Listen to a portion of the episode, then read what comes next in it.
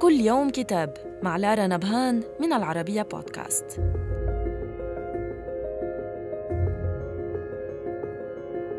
كتابنا اليوم بعنوان المرأة في دوائر العنف للكاتب حسن إبراهيم أحمد. الذي كتب في مقدمة الكتاب أن هناك قضايا في الحياة لا تفسح المجال لتناسيها أو إهمالها أو الابتعاد عنها وذلك لكثافة حضورها ومدى تأثيرها وعمق تجذرها في المجتمع. وبالتالي نحن أمام قضية متدفقة كالسيل وحاضرة كالضوء وكظلام الليل.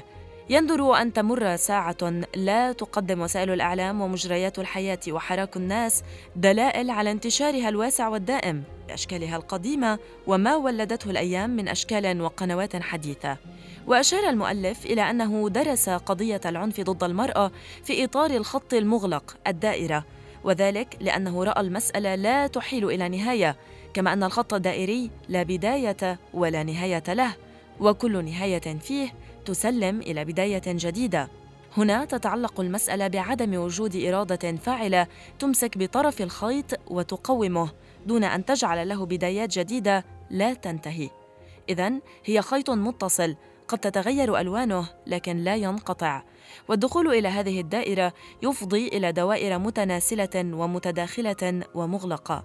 وهكذا تتشابك الخطوط وتتقاطع وتتلازم.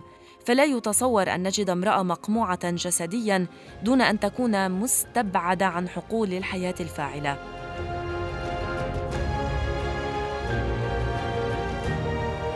صدر الكتاب عن دار الحوار للطباعة والنشر والتوزيع. وإلى اللقاء مع كتاب جديد.